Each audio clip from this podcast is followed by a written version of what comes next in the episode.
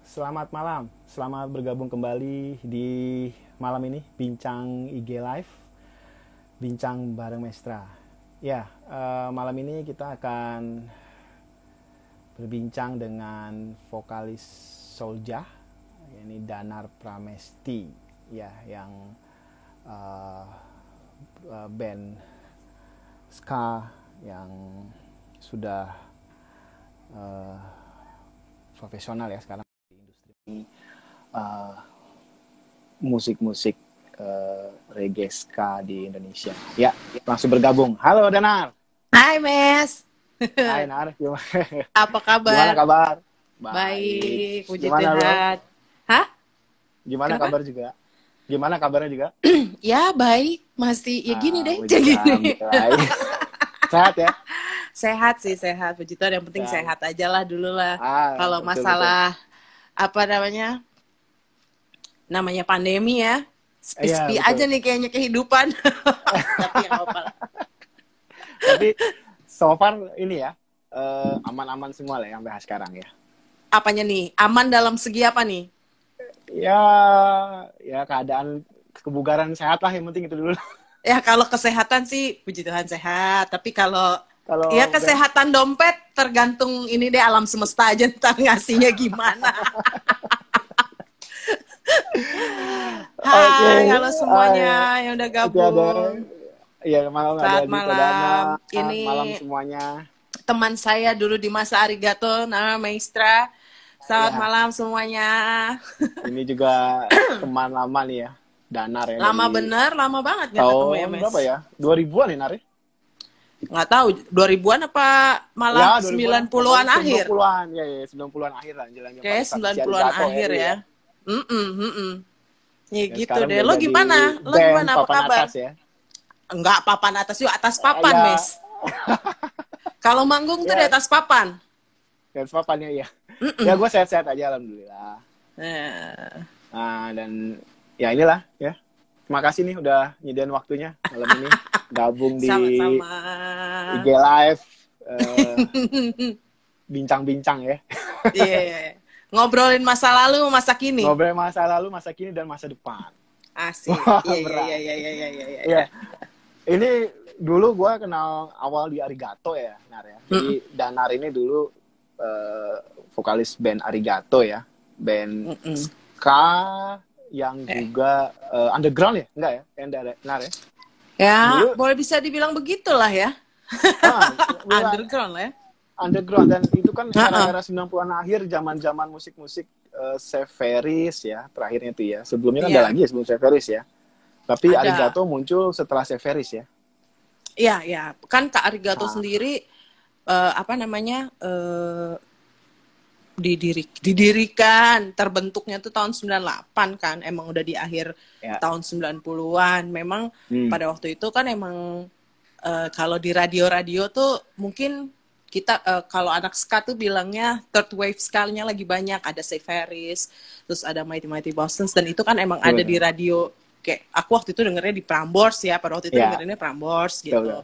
Kaulah muda Jadi ya ada uh, emang dari situ dan emang pas Hmm. zaman baru masuk-masuk kuliah kan ketemunya kan emang sama anak-anak Arigato tuh kan ketemunya di kampus awal-awalnya. Iya. Jadi emang pas zaman kuliah kan gitu Mm-mm. deh.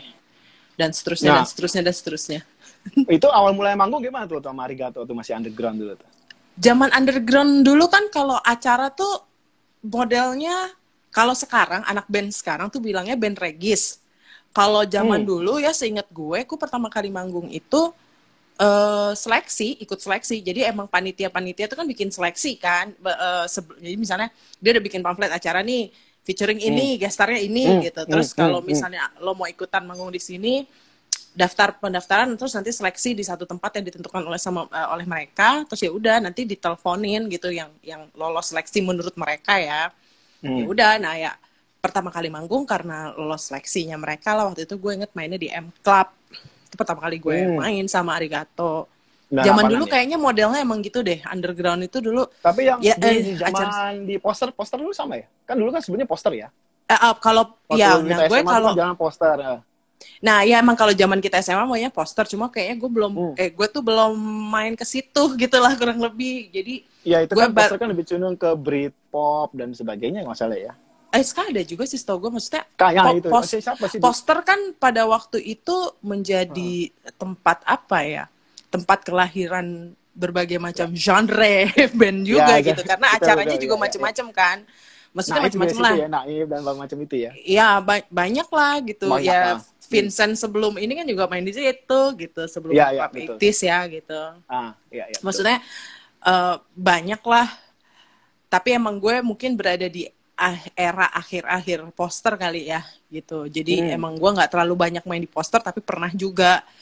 Nah jadi kayaknya kan sebelum poster akhirnya bener-bener nggak nggak main gitu kan oh, panitia-panitia tuh pada nyari tempat-tempat lain lah ya mereka mencoba Hmm. mencari alternatif tempat gitu dan mungkin gue Hmm. berada di era setelahnya jadi waktu itu mulai kayak mainnya di itu di M di daerah Blok M lah M Club Tim Club. terus di Lipstick terus di Parkit Gitu, ya, ya. terus di mana kalau eh, di di Senen tuh di Hotel Sentral tuh di Marimba yang kayak gitu-gitu Oh, kan ya, ya, ya, ya, betul, betul. Ya, ya.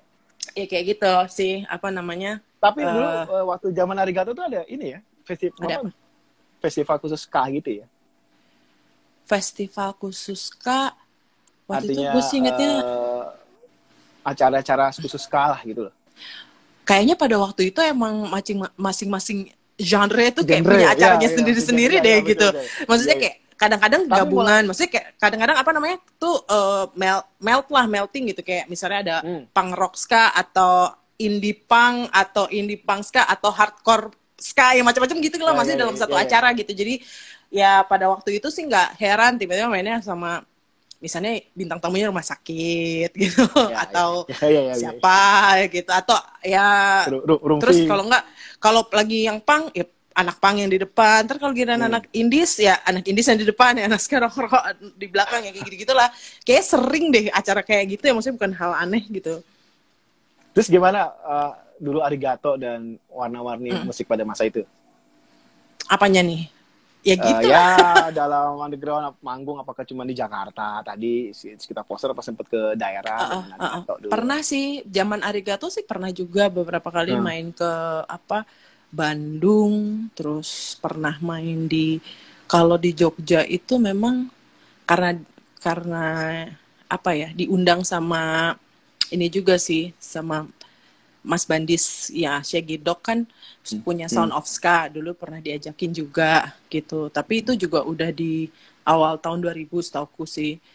Kalau waktu Arigato ya paling ke situ sih ke ke ke Bandung yang aku inget banget ya ke Bandung, Bandung, oh. zaman Arigato tapi memang banyak di sekitar Jakarta. Jabodetabek lah Jabodetabek Jakarta Bekasi. Oke. eh, Ya, oh dan ya, sekitarnya. Dan festival-festival pensi ya dulu Arigato ditunggu-tunggu juga tuh buat anak ska gitu kan. Kalau nggak aku Arigato, aku Jun aku Van malah nggak ya? inget sih Ka- ya pernah sih main di beberapa pensi gitu tapi kayaknya Ya, nggak pensi. nggak nggak nggak banyak juga karena eh, pada waktu itu juga pensi kan nggak seperti sekarang malah kalau menurut gue sih banyakan sekarang pensi gitu dan bener-bener Hmm. beragam dulu kan yang megang pensi tuh seinget gue ada ya maksudnya kalau Jakarta tuh yang paling pegang tuh kayak misalnya PL ya sampai sekarang masih ya kan Nah, PL Tarki, Tarki. Tarki gitu terus 82 Lab School.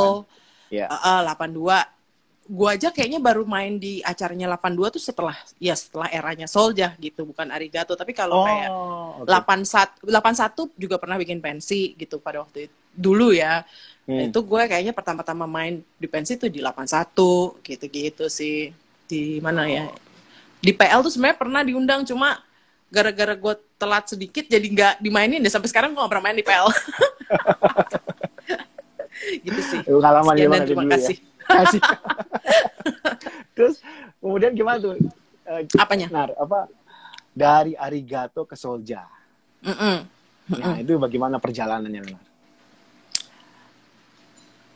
perjalanannya ya sebenarnya nggak Ya, nggak hmm. terlalu eh, apa ya sebenarnya alasan ganti nama ke Solja sendiri itu sebenarnya lebih karena zaman zaman itu juga di awal-awal tahun 2000 itu eh, banyak band-band mainin musik anime gitu musik apa rock rock Jepang lah gitu nama arigato kan ya, ya jelas lah arigato kan emang bahasa Jepang gitu kan. Jadi orang Ya. sering kali mengasosiasikannya, oh lo bawain ya dulu kan sering bawain ada kayak lagunya Sensei lah apa yang kayak gitu-gitu gitu. Lo bawain lagu-lagu Jepang gitu ya?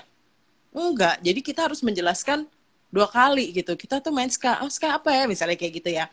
Nah, eh, akhirnya memilih nama Solja yang sebenarnya kata Solja, nama Solja itu sendiri awalnya memang bukan buat nama band gitu.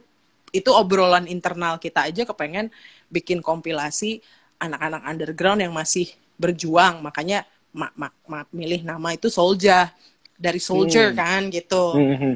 tapi pada prosesnya memang agak eh, sulit mengumpulkan orang-orang ini akhirnya jadi kita ganti eh, kita pakai na- jadi nama band kita aja yuk gitu karena eh, sekalian ini juga untuk memutus eh bawain lagu Jepang ya gitu kalau pakai nama Arigato tuh masih gitu bawain lagu Jepang ya gitu Oh, iya, oke, kata oke. dengan Solja ada kat sebenarnya kata jahnya itu kan sangat spesifik ya gitu orang asosiasinya cepet gitu oh bawain Hmm. reggae masih cepet masih di masih mepet mepet lah iya eh, gitu jadi lebih dapat ya udah akhirnya pakai pakai nama Solja gitu Nah, Gitu terus deh. Kemudian baru kemudian masuk ke industri musik ya.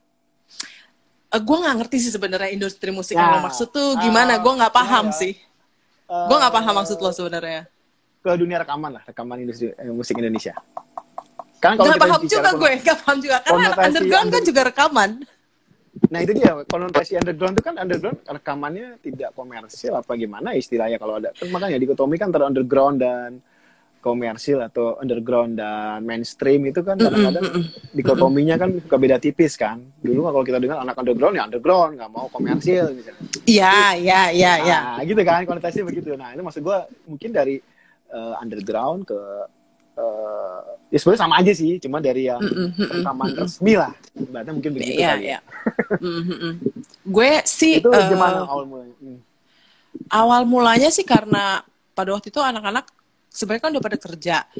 Terus Hmm. eh, tapi kayak masih kepengen ya masih main musik juga sih sebenarnya masih arigatoan lah gitu, masih ngeluarin album malah arigatonya gitu. Tapi sampai ya sebenarnya Renhat tuh gue inget lah Renhat sama Bayu terus nemuin gue ngobrolin eh kita mau serius nggak di sini? Kita mau cari duit nggak di sini? Gitu istilahnya di Mhm. dengan dengan musik kita gitu dengan Hmm. uh, mau serius nggak? Intinya gitu. Kalau lo pada serius ya mau mau aja gue gitu. Ya udah akhirnya anak-anak pada mau. Pada waktu itu kan yang kerja cuma empat gue Renhat Dav eh, gue Renhat Bayu sama Dimas. Dan ada yang berempat ini oke kan yang dua masih kuliah ya udah oke oke aja gitu. Terus ya udah. Oke. eh, apa namanya mulai serius gitu. Memang eh ngerti sih gue pada waktu itu tuh gue udah sampai lupa loh kalau anak underground tuh dulu nggak nggak mau komersil apa segala macam gitu gitu ya. Gue juga sampai lupa gitu. Oh iya iya iya memang ada juga Dulu kan sih gitu eh, istilahnya. ya. Cuma gini, kalau kita Hmm. mikirnya, kalau kita terus, kalau kan tergantung masing-masing dari band atau musisinya atau artisnya gitu ya, dia tuh punya Hmm. tujuan apa dengan dengan dengan musiknya dan bagaimana caranya, me- misalnya, gue pengen musik gue dikenal lebih banyak orang. Kalau misalnya pakai cara-cara yang anak underground pada waktu itu ya, pada waktu itu gitu, mungkin akan lama untuk meraih yang dia inginkan gitu loh. Jadi kalau menurut gue semuanya tergantung dari pengennya pengennya musisinya dan waktu itu kan kita memang pengennya mau serius dan kalau misalnya katakanlah kita pengen dapat duit dari situ gitu berarti kan ada hasilnya apa? Ada konsekuensi lah, konsekuensi semacam kayak ya berarti lo harus promo lebih, lo harus Hmm. dikenal orang lebih banyak, berarti lo harus punya lagu yang bagus, misalnya gitu ya, atau atau lagu yang gampang didengerin orang, berarti lo harus eh, berstrategi atau apa pun segala macem, ya termasuk kayak misalnya dengan fee yang lebih, kayak kayak gitu-gitu kan. Hmm. Nah itu yang memang mungkin eh, kalau ya kalau buat anak underground tuh jadi komersil sih pada waktu itu ya.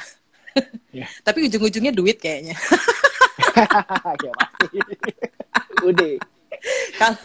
Ya Pak, Tapi- sebenarnya kan Solja bukan yang pertama juga kan Mace pada waktu itu untuk yang Iya, dari iya, iya. underground ke let's say major Yang label gitu atau ke mainstream. Kan? Eh Exis ya Bukan. kalau Rumah sakit ya? ya naif ya Oh, rumah Planet sakit Bumi. Planet Bumi. planet boom ya terus siapa eh ya Shaggy Dog kan juga pernah pak maksudnya Oh, iya, iya, tapi Shaggy Dog. maksudnya Shaggy Dog waktu sama Aquarius kan juga Hmm. eh bukan Aquarius Warner ya lagu yang ada Hey cantik ya kalau nggak salah aku lupa eh anjingin tamani itu kan Oh, ini namanya ya, ya.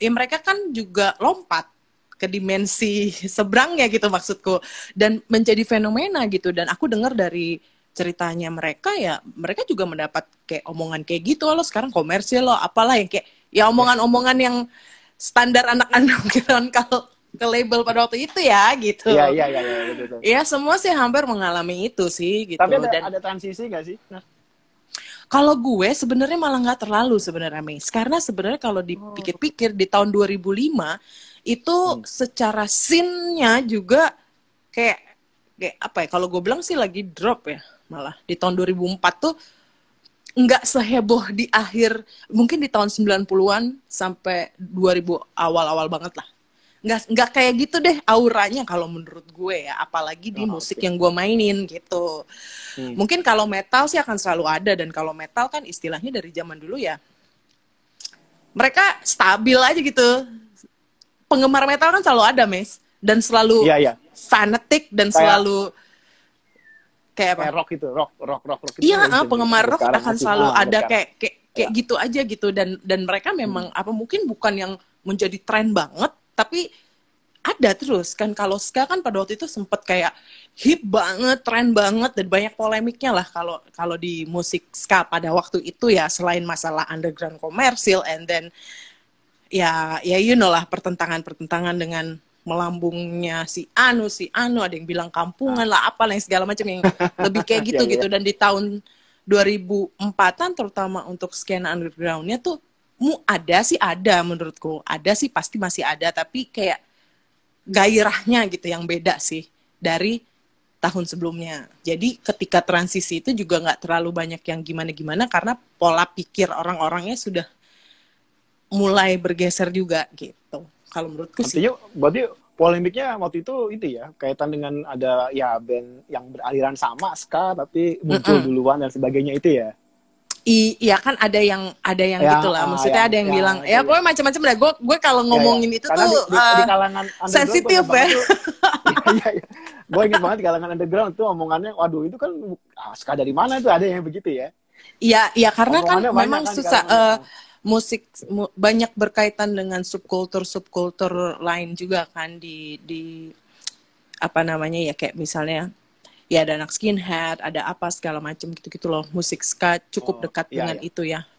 Eh, Jamaican music lah pada umumnya. Cukup Hmm. ada kayak ya ada yang kayak gitu-gitunya gitu. Jadi polemiknya banyak malah banyak di situ gitu karena "Lah, lo apa nih kenapa lo nggak suka nih kalau lo mainnya gini ya yang kayak gitu gitulah Iya, Kayak ya, gitu-gitu. biasa lah ya. ya eh gua- apa namanya kayak kayak emang mm, kalau di musik ini memang kayaknya akan ada kayak gitunya sih di seluruh Pasti dunia selalu. di seluruh dunia Seluruh tapi kalau dunia. untuk Oh, khusus khusus kaya khusus Khusus dan dan dan ah, dan teman-teman teman-teman. daripada gue salah ngomong ya Iya, iya. Ini buat buat teman-teman yang malam ini viewer nih yang nonton bisa tanya juga sekalian ya, Inar ya. Iya, Boleh mau nanya atau mau ngobrol-ngobrol ya. Sambil Boleh lanjut lagi nih, dong. gue mau nanya eh menjaga ritme underground itu gimana, Solja? Sebenarnya sih kalau misalnya di, dibilang apa ya, eh kalau gue kan waktu bikin TKA kuliah tuh tentang promosi eh apa ya, musisi indie ya gitu. Lo iklan ya, Indie, ya? indie, indep- ya iklan dan independent, independent itu kan pada zamannya independent atau indie ya sampai sekarang gue masih asumsinya begitu ya gitu bahwa ini bukan genre musik, ini adalah suatu gerakan gitu bahwa se seorang artis gitu musisi memasarkan karya-karyanya dengan daya dan upayanya sendiri, ya nggak sih? Maksudnya tidak tergantung dari eh, kekuatan label besar yang sudah pasti kapitalnya besar, yang sudah Hmm. pasti dia punya jaringan lebih luas gitu. Hmm, Kalau hmm. anak independen gitu, anak-anak underground kan pakai cara-cara senyap dong, geril ya kan gitu. Iya, iya. Iya sih, kan kan geril ya kan dan dan sebenarnya di awal-awal Soljah pun eh, kita masih DIY gitu DIY itu masih gue itu Hmm. cuma gini kalau misalnya gue disangka band label sebenarnya ya pada waktu itu karena gue bekerja sama untuk penggandaan dan promosi ke sebuah Hmm. label tapi I did not we did not sign as their artist gitu kita bukan artis mereka jadi Oh, master itu oke. tetap milik gue gue kerja sama tolong gandain gitu gandain dan promosiin lah istilahnya gitu Hmm. jadi eh, selebihnya eh, gue masih kayak sendiri gue Labelnya rapping? Enggak. udah dibilang labelnya label sendiri Oh, oke. Iya, gitu. Jadi gue rapping sendiri. Jadi eh tapi gue menggunakan jaringan dia untuk promo. Let's say, jadi mereka kan punya artis sendiri nih. Hmm. Eh gue Soldier diikut sertakan ke dalam paketan promonya eh, artis mereka gitu. Jadi gue bisa dapat jaringan radio Hmm. dan media lebih luas. Tapi Oke. salah satu DIY yang gue lakukan adalah di album satu itu gue sama anak-anak bikin inisiatif bikin tur promo sendiri promo radio gitu dan jadi nah itu gue sama anak-anak nelfonin radionya sendiri ngirimin ngefax apa nanya-nanya segala macem itu kita lakukan sendiri sampai ngeset dari kota ini ke kota ini tanggal berapa Oh, nelfonin oke. ininya apa segala macem jadi ya sendirian jadi buat gue ya buat gue sama anak-anak sih gue merasa gue masih independen gitu karena gue masih melakukannya sendiri juga kok gue bukannya yang tahu jadi gitu kalau gue Tapi ya kan, kan tapi jadi booming ya. Booming itu karena ya kan ada dukungan promosi juga kan dari apa label atau apa. Atau emang di Um, sendiri juga pada saat yang album pertama itu. album untuk album pertama tuh sebenarnya kita juga ada yang promosi sendiri sih jadi kita tuh Hmm. bikin kami tuh eh, se- sebelum albumnya bener-bener rilis kami bikin kayak CD isinya cuma stop spot setengah-setengah lagu, dari lagu yang ada di album itu gitu. Jadi misalnya Jamaica's Away tapi cuma setengah. Lagu Magenta tapi cuma setengah. Lagu apa? Jadi nah itu kak kita kita minta tolong temen-temen. Jadi kebetulan misalnya kayak gue punya teman di punya teman punya teman punya adik kuliahnya di Malang gue minta tolong dia taruhin ke distronya. Terus kita, Renhat punya teman di Tebet punya distro apa yang kayak gitu-gitu punya teman di Bandung titipin Oh, ditaruh oke. ke distro-distro iya. Pasti, juga iya, iya, gitu. distro. Iya. gue taruh ke distro-distro nah dari situ ada satu dua kita kasih juga ke orang-orang itu kayak lebih free gitu lah itu juga bukan dijual itu free gitu. Terus nanti kita minta feedback lagu mana yang menurut lo oke atau segala macam yang kayak gitu-gitu. Itu, Itu kita ngantri lakukan sendiri juga. Enggak itu di album satu. Album satu Oh, itu menurut menurut menurut kami eh album satu tuh album kayak album eksperimen gitu.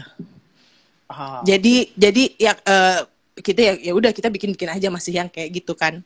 Hmm. eh kalau dibilang apakah meledak di album satu Soldier gitu ya kalau kita pakai termin kata meledak kayaknya enggak. Kalau menurut kami enggak. Karena kami masih melakukan evaluasi. Kami kami tiap album melakukan evaluasi sebenarnya. Jadi apa nih? Apa yang salah di album ini? Gimana nih? Hmm. gimana mengatasinya? Kita kayak misal gini gue bikin lagu yang kalau orang nyanyi nggak cuma sampai why? Karena kalau dulu pada zaman album pertama ny- orang tahu lagu Jamaica's Away karena ada di radio juga. Tapi nggak bisa nyanyinya. Jarang sekali ikut bernyanyi berhenti sampai why? doang. Why? Nggak nyanyi lagi habis itu. Na na na na na, na why?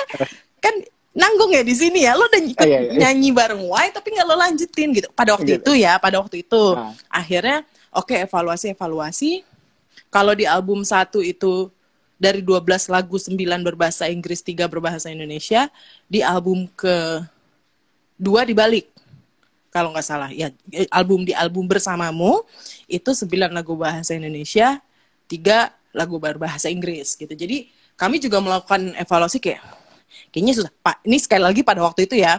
Pada waktu Ya, ya. itu kami merasa wah kalau berbahasa Inggris semua susah nih. Jadi buat gue juga gue belajar untuk menulis dalam bahasa Indonesia. Karena pada waktu itu buat gue sendiri juga agak susah. Sok-sokan banget gue jago bahasa Inggris ya padahal. Enggak juga sih cuma nggak tahu lah ya Kan- pada waktu itu gitu. Nembus nembus pasar ska internasional kan? ya pada waktu itu ya eh, rasanya begitu gitu. Iya. buat gue pad umur 20 sekian tuh kena entah kenapa dia begitu gitu. Tapi akhirnya belajar menulis dalam bahasa Indonesia gitu sih. Dan akhirnya ya udah dan seterusnya dan ayah. seterusnya kalau misalnya eh, mendapat exposure yang lebih luas sih sebenarnya menurut gue di album kedua memang di album Kedua ya. bersamamu ya itu ada ya itu ada I'm Free ada bersamamu ada ya itu yang yang memang Dan- booming gitu ya lagunya yang free itu ya Iya lumayan karena kami juga melakukan hal lain sebenarnya pada waktu itu. Jadi kami eh, mulai berpikir kayak wah kalau kita nembak cuma pasar luas gimana ya? Kami mulai ngelihat target marketnya tuh kira-kira orangnya siapa dari album satu nih.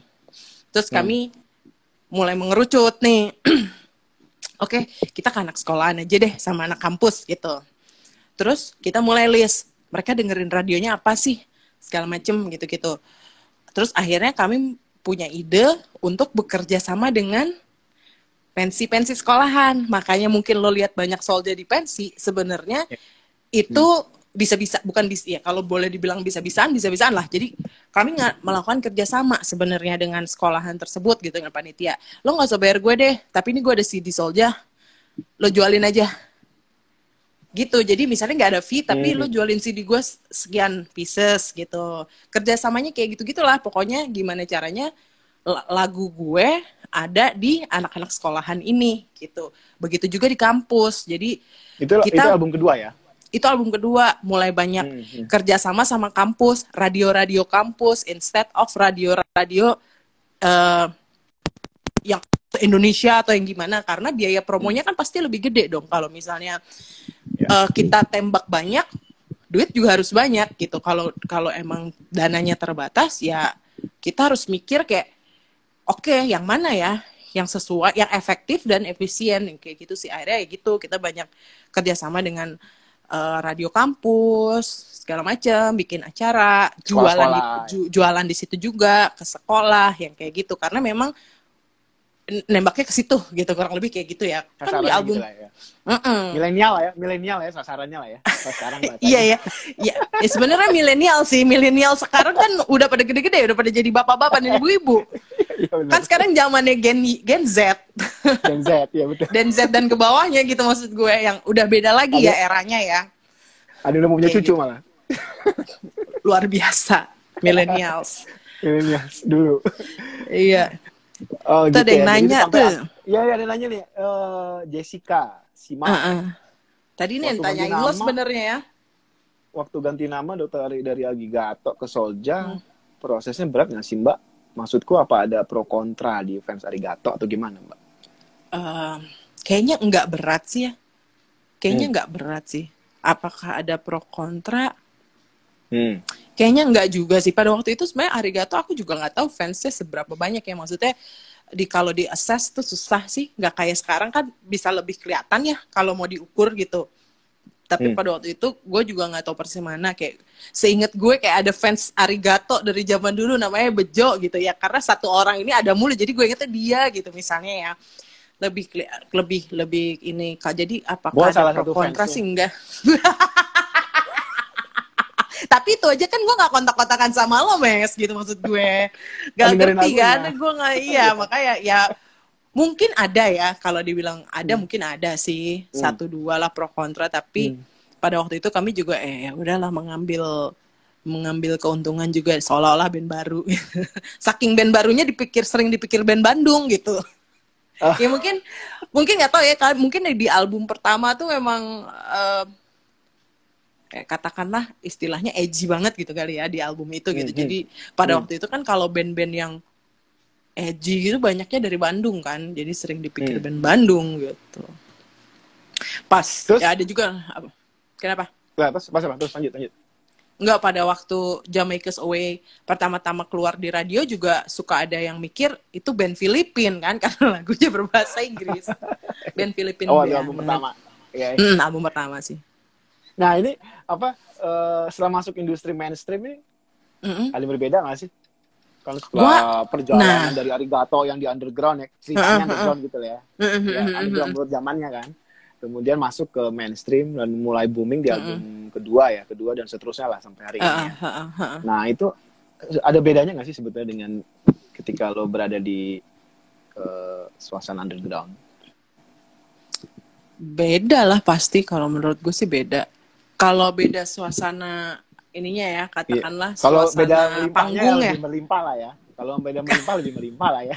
Iya, ya sebenarnya sih kalau dipikir-pikir pada waktu itu juga udah lumayan ya gitu. Maksudnya dengan nilai pada Ya. waktu itu dan dengan Ah, ya. effort yang dikeluarkan pada waktu itu Hmm. gitu ya udah lumayan. Kalau sekarang kan karena effort yang dikeluarkan juga lebih besar dalam artian gini dalam produksian aja kayak krunya udah ada sekian, nah, berarti kan harus bayar kru gitu. Terus kayak sewa mobil atau segala macem gitu-gitu kan ada biaya yang ditambahkan, ada effort yang lebih gitu. Jadi Oh, mungkin oke. fee-nya jadi lebih dari bandingin waktu di underground kan eh, ya boro-boro ada kayak begitu kalau ada yang bawa kru mah Emang udah tim- dikata-katain aja kali Tim kru lebih banyak untuk di Oh ya pasti ya enggak karena sih udah masuk. enggak karena gue kalau manggung kan berdelapan Solja sekarang nih berempat personil tetapnya tuh berempat tapi kalau di panggung Hmm. Iya. berdelapan dan Hmm. delapan di- pokoknya rombongan kita tuh paling banyak empat bel empat belas apa paling banyak 14 itu Ya udah segitu lah ya belasan lah ya. Iya sama road manager satu gitu. Ya itu aja udah banyak Ya. banget, Mes. Udah udah kegedean untuk Hmm. biaya produksi kan karena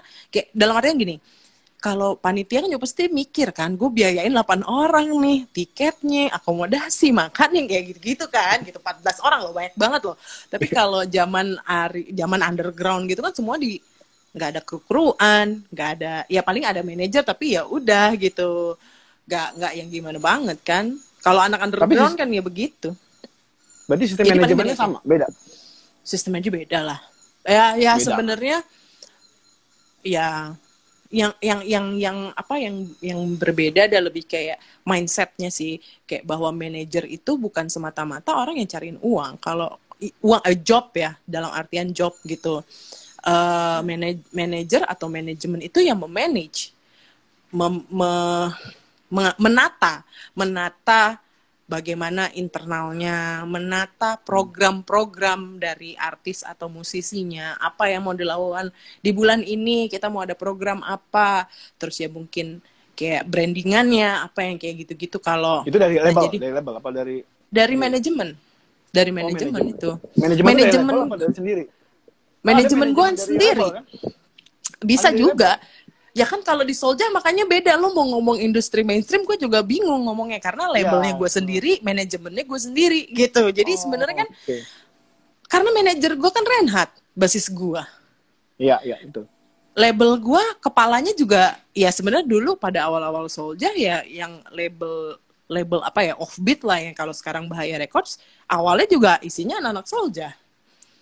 Ya muter aja kan jadi gue ya bingung juga ya gue bilang dia dibilang sekarang kalau kita misalnya kita bilang dibilang mainstream menurut gue juga bingung di sebelah mananya gue mainstream ketika Karena- lu pergi ke nggak semua orang tahu gue gitu. Nggak tetap nggak semua orang tahu Solja lu ngikir- ngukurnya gini aja gue naik KRL misalnya gitu nggak semua orang eh Nicholas Saputra gitu misalnya atau eh ada Dian Sastro nggak se mainstream itu juga gue gitu. Maksudnya gue Ya, masih karena kan, oh. underground gitu gue tetap masih underground you believe it or not karena ya gue nggak se A- Artinya nggak segitu secara musik ya. Secara musik kan lo eh, ya dengan cara promo lo dan tim apa dengan cara promo Volja dan sebagainya Mm-mm, sekarang ini kan mm-mm. sudah semakin nasional dong, sudah semakin udah nggak hanya cuma wilayah Bodetabek atau Pada Bandung waktu itu Jawa, atau sekarang? Sulawesi. Ya sekarang. pada waktu maksudnya. itu sekarang kalau sekarang Ya, semua orang juga sekarang. bisa begitu mes apa gunanya YouTube apa gunanya Oh. Spotify gitu maksud gue kalau pada Viewer gue titik ini ya 30. Iya, iya. iya. Iya iya memang. Ya gue Hmm. makanya gue bilang gue nggak nggak nggak segitunya juga. Jadi eh Hmm. apa ya? Em, kalau dibilang mainstream ya ya ya katakanlah begitulah ya. Mainstream oke lah boleh walaupun gue tetap Ya, artinya mungkin mainstream. udah- seberapa udah banyak lebih- yang denger gue gitu.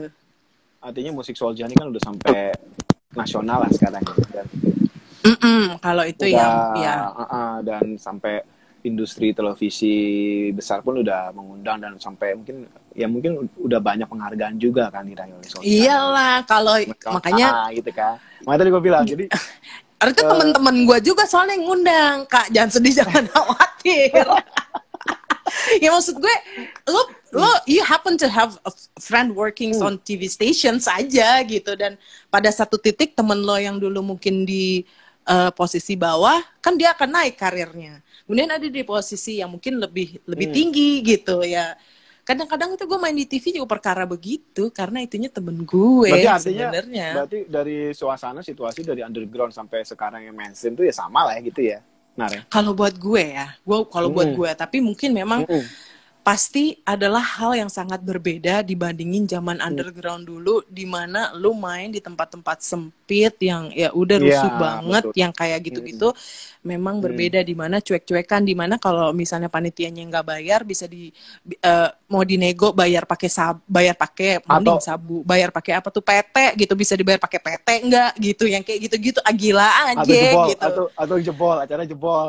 Ah, kalau jebolan, kalau lo main ya kadang-kadang kalau jebolan di pensi mungkin ya gue nggak tahu sih ya, tapi Ya, kalau ya, jebolan it's not really a uh, apa namanya kalau jebolan tuh masih hal yang inilah, tapi sekarang tentunya sudah lebih ketat dan kan sudah berganti mindset ya. Kalau sekarang tuh ya Hmm. lo kalau mendukung acara ya kalau mau ada terus ya lo datang. Kalau lo mendukung bandnya lo datang eh, let's say beli tiket apa segala macam itu udah udah per- perkara Ya. mindsetnya udah beda sih gitu. Ya, betul.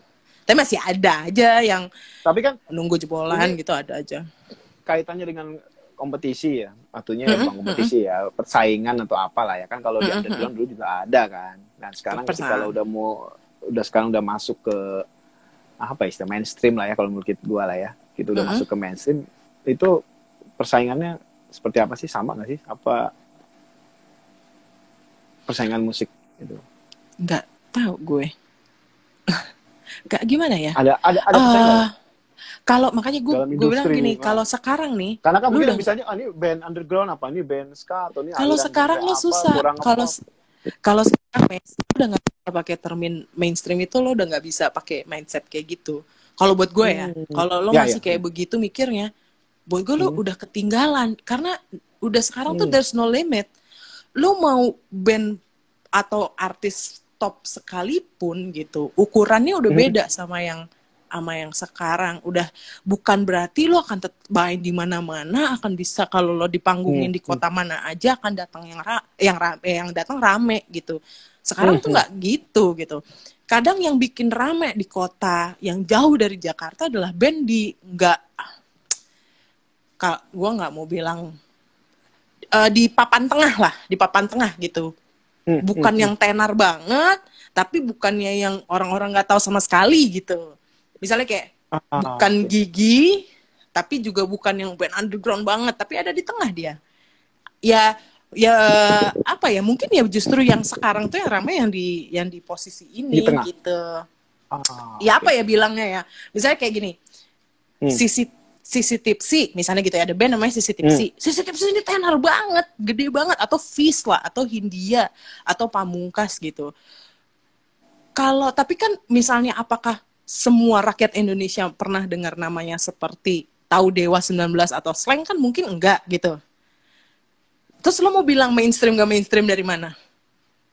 Gitu sih maksud gue. Apakah itu Oh, karena itu lagunya pop? Artinya Ng- belum tentu juga gitu. Band band pop belum tentu juga juga bisa se-mainstream itulah jadi katakanlah jadi gitu jadi gitu. sekarang istilahnya underground itu bukan lagi seperti yang genre-genre begitu ya. Band pop pun juga ya Bisa aja. dari konotasinya definisinya lah ya kita lihat definisinya Ah iya iya lebih kayak makanya gue bilang itu Ah, sekarang oke. tuh udah nggak bisa karena dulu tuh kan ada underground, ada independen, ada ya segala ya macam kan karena betul. Hmm, hmm. karena ke kekuasaannya industrinya kalau kita bicara penyebaran musik kita bicara penggandaan kita bicara promosi yang pegang kan label gede sedangkan kan nih banyak musisi di bawah yang mungkin gak dapat kesempatan ini akhirnya mereka mengeluarkan sendiri gitu maksudnya karena movement Ya, ya. yang seperti itu gitu Iya. kalau sekarang anybody can be a star gitu karena lo ada YouTube Iya. lo ada Spotify lo ada segala macam you name it gitu lo bisa promosi The sendiri jokes tanpa lo Iya. Ya, yang pada akhirnya malah lo lihat label-label gede ini malah goyang karena apa? Karena mereka spending lebih banyak kan. Mereka ada karyawan, mereka ada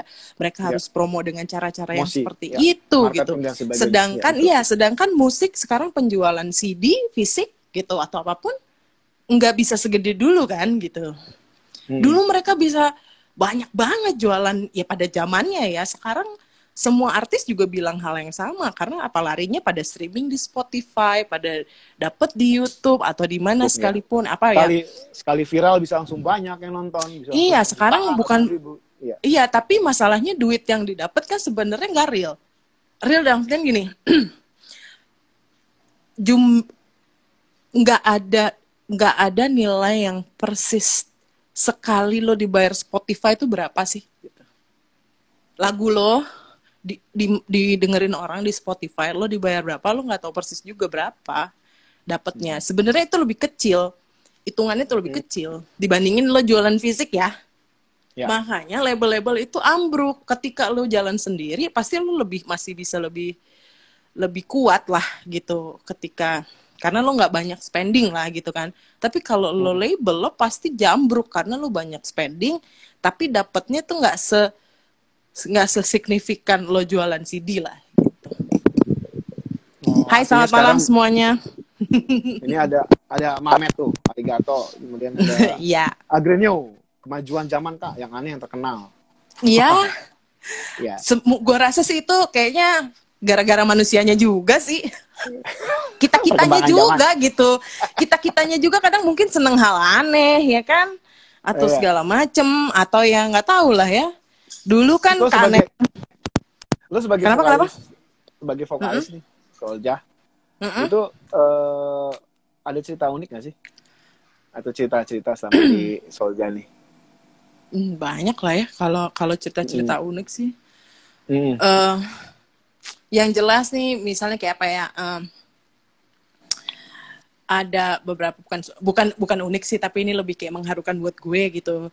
Adalah eh ya dapat kenal ya maksudnya bisa kenal sama Brother Soldier gitu. Dan beberapa yang kita kenal yang kenal banget lah atau yang sering dan kami tahu masih ada lah ya itu mulai ngikutin Soldier mulai dia masih SMP sekarang sampai misalnya sekarang udah punya anak yang kayak gitu-gitu. Walaupun mungkin mereka udah nggak datang lagi ke konsernya Soldier tapi mereka masih kontak-kontakan. Eh, banyak yang kayak gitu sih. Jadi justru itu hal yang sangat mengharukan buat gue adalah gue bisa jadi teman hidupnya. Lagu-lagu Soldier tuh jadi teman dia menjalani hidup. Menja- teman-teman eh menjadi iya teman seseorang menjalani Teman. hidup gitu. Kayak semacam cerita hidupnya ya. Mm-mm, Sampai ada, iya. ada sampai ada minta nih, mau toy Apa skin, tuh? nyanyi dong kak Danar. YouTube aja ada banyak YouTube. iya di YouTube kan ada Soldier maksudnya Iya banyak di Spotify juga banyak.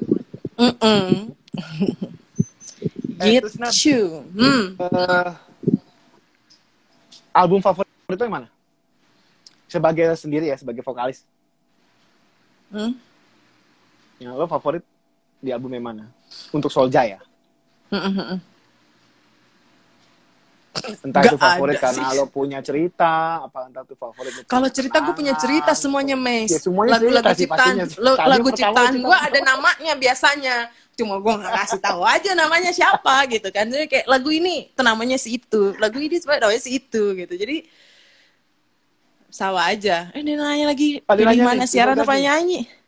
Kenapa? Bisa- Orgas? Eh, oh iya. bi- Kok bisa sampai segitunya mbak dari sam- dari SMP sampai kerja gimana cara maintenance-nya ya? Terus Mamet pilih kerja apa siaran tuh? Eh siaran apa menyanyi? Lu siaran ya? Pernah, pernah siaran dulu waktu di tahun 2007 sampai 2009 gue pernah siaran Di- Jamaican Sounds di Mustang. Oh Mustang ya, oke. Mm-mm, mm-mm. Dulu kan Bayu kerja di Mustang. Hmm. Terus Nah, tadi Tuh jawab kali tuh nggak? Gimana maintenance tuh? fans nih berarti ya. Kok bisa dari SMP Iya. sampai kerja? Ya nggak tahu juga ya gimana ya maintenance-nya? Maintenance-nya. Sebentar, gue nggak tahu sih. Gue nggak punya trik khusus, tapi emang dari awal itu dari awal Soljah ya kan kami juga udah Hmm. mikirin kayak soal gimana tentang fans gitu. Itu ada beberapa artis yang kami jadikan rujukan. Satu slang dengan slankersnya. Kedua ada band em, Amerika 311 namanya. Hubungan 311 dan dengan fansnya itu menurut kita tuh adalah salah satu yang oke banget karena bener-bener kayak keluarga gitu loh. Sebenarnya kayak slankers juga ketika di Ya, ya, di pot-pot lah kan sebenarnya kayak Potlot, gitu ya. Hmm. gitu. Ah, ah. Hmm. Itu jadi emang ke arah situlah kami. Jadi melihat bagaimana mereka me- mengelola fansnya, mereka bikin apa aja, ngapain, yang kayak gitu-gitu. Terus ya gitu-gitu deh. Makanya dari awal ya, dari awal kami udah ngelihat kayak gitu. Jadi kayak basic kekeluargaan itu mungkin yang akhirnya kami terapkan, itu- kami apa? Ada maintenance seperti apa gitu? Apa bikin kumpul seminggu sekali? Ada, ada, apa bikin ada. gathering ke puncak? Apa gathering ke Ada, ada, Pelabuhan ada. Ratu atau mana gitu? ada ada jadi uh, memang Hmm. berada Solja sendiri kalau tiap minggu tuh ada gathering namanya gathering berada Solja dulu awal-awal pertama kali gathering berada Solja anak-anak Solja pasti ikut gitu terutama gue sama ya pokoknya single-single lah gue David Said tuh waktu itu Renhat kalau nggak salah udah Hmm. dikado eh, enggak enggak enggak, enggak. kalau Renhat soalnya ngurusin bisnis jadi tuh gue sama anak-anak akhirnya sepakat Renhat will do the business anak-anak will do the music gue David sama Said Hmm. gitu pokoknya yang lain bagi-bagi tugas lah segala macem terus ya udah eh apa? Eh, jadi gue sering nemenin nongkrong tuh gathering Brother Soldier. Sebelumnya sebelum sebelumnya Soldier tuh punya website www.brothersoldier.com nah di situ ada forum. Forumnya tuh forum curhat. Nah jadi emang kita suka jawabin curhatnya orang-orang nih gitu. Ah, jadi anak-anak iya, nih fans nih curhat. Terus kita jawabin apa segala macem. Dari situ sih. Terus emang terus websitenya tidak termaintain dengan baik akhirnya ada gathering itu. Sering tuh dulu buka puasa di rumahnya Renhat dulu kan kantornya Soldier base campnya di rumahnya Renhat jadi ke rumah Renhat ya buka puasa atau waktu-waktu waktu rilis album ketiga tuh kami ngundang Brada Soldier juga nih untuk datang kasih komen gimana apa segala macem. Terus ada yang kita punya namanya big gathering. Big gathering Brada Soldier itu kami pergi kayak ke puncak atau ke pulau atau ke pantai bareng-bareng liburan lah liburan bareng-bareng terus ada anak-anak Brada Soldier sendiri pernah bikin ulang tahun Brada Soldier juga di Bulungan di beberapa tempat lah adalah gitu sih sama paling ya Oh, oh, kami menyediakan ya? waktu untuk ngobrol aja sih eh, menjawab lagu. curhatan Yang penting lagunya. Lirik-lirik lagunya Iya. kan itu yang Iya iya iya iya iya. Iya pasti sih. Iya. Iya pasti ya lagu. Ada yang lagi nih Dia- Sir Papa nih. Ah, ah. kreatif prosesnya untuk capture Jamaican vibe dalam nulis lirik and song creation. Kreatif proses ya. Untuk Hmm. capture Jamaican vibe. Aku bingung juga nih jawabnya gimana ya karena kalau di Soulja sendiri kan sering yang sering bikin lagu tuh gue ya. Maksudnya gue Hmm. eh, gue sama David tuh sering lah gitu bikin lagu.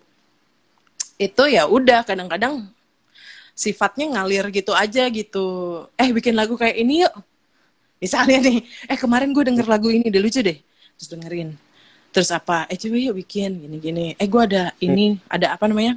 Kunci gini atau gimana? Eh gue ada beat gini atau gimana? Atau misalnya ngejam bareng-bareng di di studio gitu. Lebih kayak begitu. Atau gue punya lirik, terus gue nyanyiin. Terus eh gimana nih musiknya apa Ide segala gitu ya. macam. nah, kalau mengcapture eh apa? Jamaican vibe-nya ya paling dengerin banyak lagu-lagu yang lain gitu, Jamaican music yang lain ataupun ya Oh, musik oke. apa pun sih. Inspirasi musik-musik lain lah Oh, gitu ya. oh gue nggak tahu sih gimana capture-nya kayak kayak mungkin karena kita udah kelamaan juga bukan kelamaan sih kita cukup ya lama juga lah ya main ini jadi kadang otomatis aja keluarnya gitu. Yang musisi kan langsung aja keluar. yang bukan masalah musisinya sih udah kebiasaan mes udah kebiasaan Oh, iya. aja jadi lari lain susah lagi gitu istilahnya ke bawahnya bawaannya encet mau mau bagaimana larinya ngencet lagi ngencet lagi gitu udah kebiasaan Lebih sayang. Ya, Ini Iborgas nih, nanya nih. Kalau menurut saya kan musik Soulja nggak mainstream ya. Ini Mm-mm. mainstream lagi nih. Itu biar bisa bertahan lama itu gimana ya Mbak? Kan jarang juga main di TV, tapi kok dikenal. Seringnya di TV ya?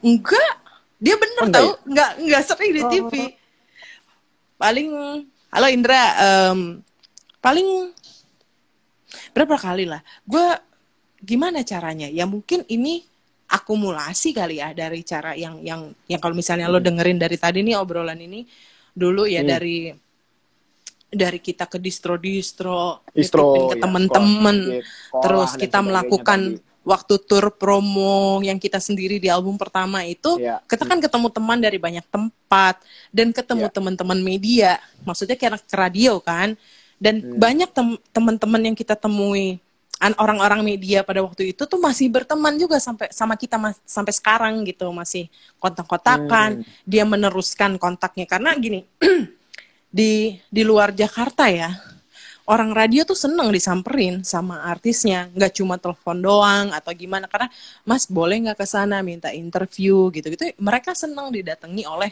musisinya gitu. Jadi itu masih masih terjaga hubungan itu sampai sekarang. Dan aku rasa Soldier sampai kayak sekarang sih nggak lepas dari bantuan teman-teman medianya juga gitu. Selain dari fansnya ya gitu maksudku. Pers, ya. Ini Dan tempat tadi mereka- ya distribusi distributor tadi ya tempat-tempat Iya, yang iya, itu peran-peran itu juga cukup kuat ya. betul ya teman-teman juga sih gitu ya teman-teman maksudnya semua itu betul. eh, baik yang kita kenal di perjalanan maupun yang sudah kenal Ya. sebelumnya gitu Hmm. nah eh, apalagi ya terus ya kan itu terus kayak kemudian kita di album kedua melakukan as- apa istilahnya oke mas eh mampir ke RRI Bogor lagi. Boleh. ya ini udah lama Boleh, nih nggak ke. RRI Bogor. Eh apa namanya yang kita melakukan kerja sama sama pensi-pensi gitu. Itu juga kan hal yang baru dilakukan sama kampus-kampus. Itu kita bener-bener kayak pernah gue main tuh di kantinnya Trisakti di belakang ada acara nggak tau gue lupa acara apa pokoknya kita numpang main lah di kantinnya Trisakti main di kantinnya London School di di acara kayaknya waktu itu Binus di itu juga punya acara pernah main di situ yang kayak orang ya udahlah go for it aja gitu gimana sih sambil jualan CD apa segala macem ya, itu, itu juga pada pada terus pertama kan, pada album pertama ya. album awal-awal. kedua album kedua itu Tapi tapi kalau sekarang kan udah beda lagi kan. Kalau ada kampus-kampus mengundang apa masih dengan model kayak Underground dulu apa masih sama apa mungkin kan udah, beda. enggak udah memang sudah berbeda sudah berbeda, Berbeda, ya kan kan? eranya udah lain lagi maksudnya kan tadi nanya makanya kan Yang tadi dia nanya dulu gimana apa gimana lo apa- bisa sampai kayak gini gitu ya itu gabungan betul. dari semuanya sih maksud gue gabungan dari semuanya Hmm. terus kan ya maksudnya banyak cara kenapa Ya. nggak kita tuh nggak bisa cuma gimana ya soalnya tuh takutnya orang tuh mikir bahwa lo begini aja tuh kayak Solja nanti kan bisa kayak begini atau ya udah lo promo di sini aja kan begini. Formula untuk satu artis ti- hasilnya tidak akan sama ketika diterapkan ke artis lainnya gitu. Itu bisa berbeda. Hmm. jadi kayak apa ya dan dalam dalam dunia musik gini tuh nggak a Hmm. nggak a tambah a sama dengan dua a gitu. Nggak ada formula pastinya karena ada faktor x. Pasti ada faktor x ada orang yang berusaha ada pihak yang berusaha segitunya nggak dapat dapat ada yang Iya. kayaknya instan banget Instan. sekejap tiba-tiba dia naik Iya. gitu Iya, iya. kita nggak bisa jelasin itu kenapa gitu. It's like at the right moment with the right person at the at the right time ya nggak tahu. Itu faktor X Hoki. kalau kata gua.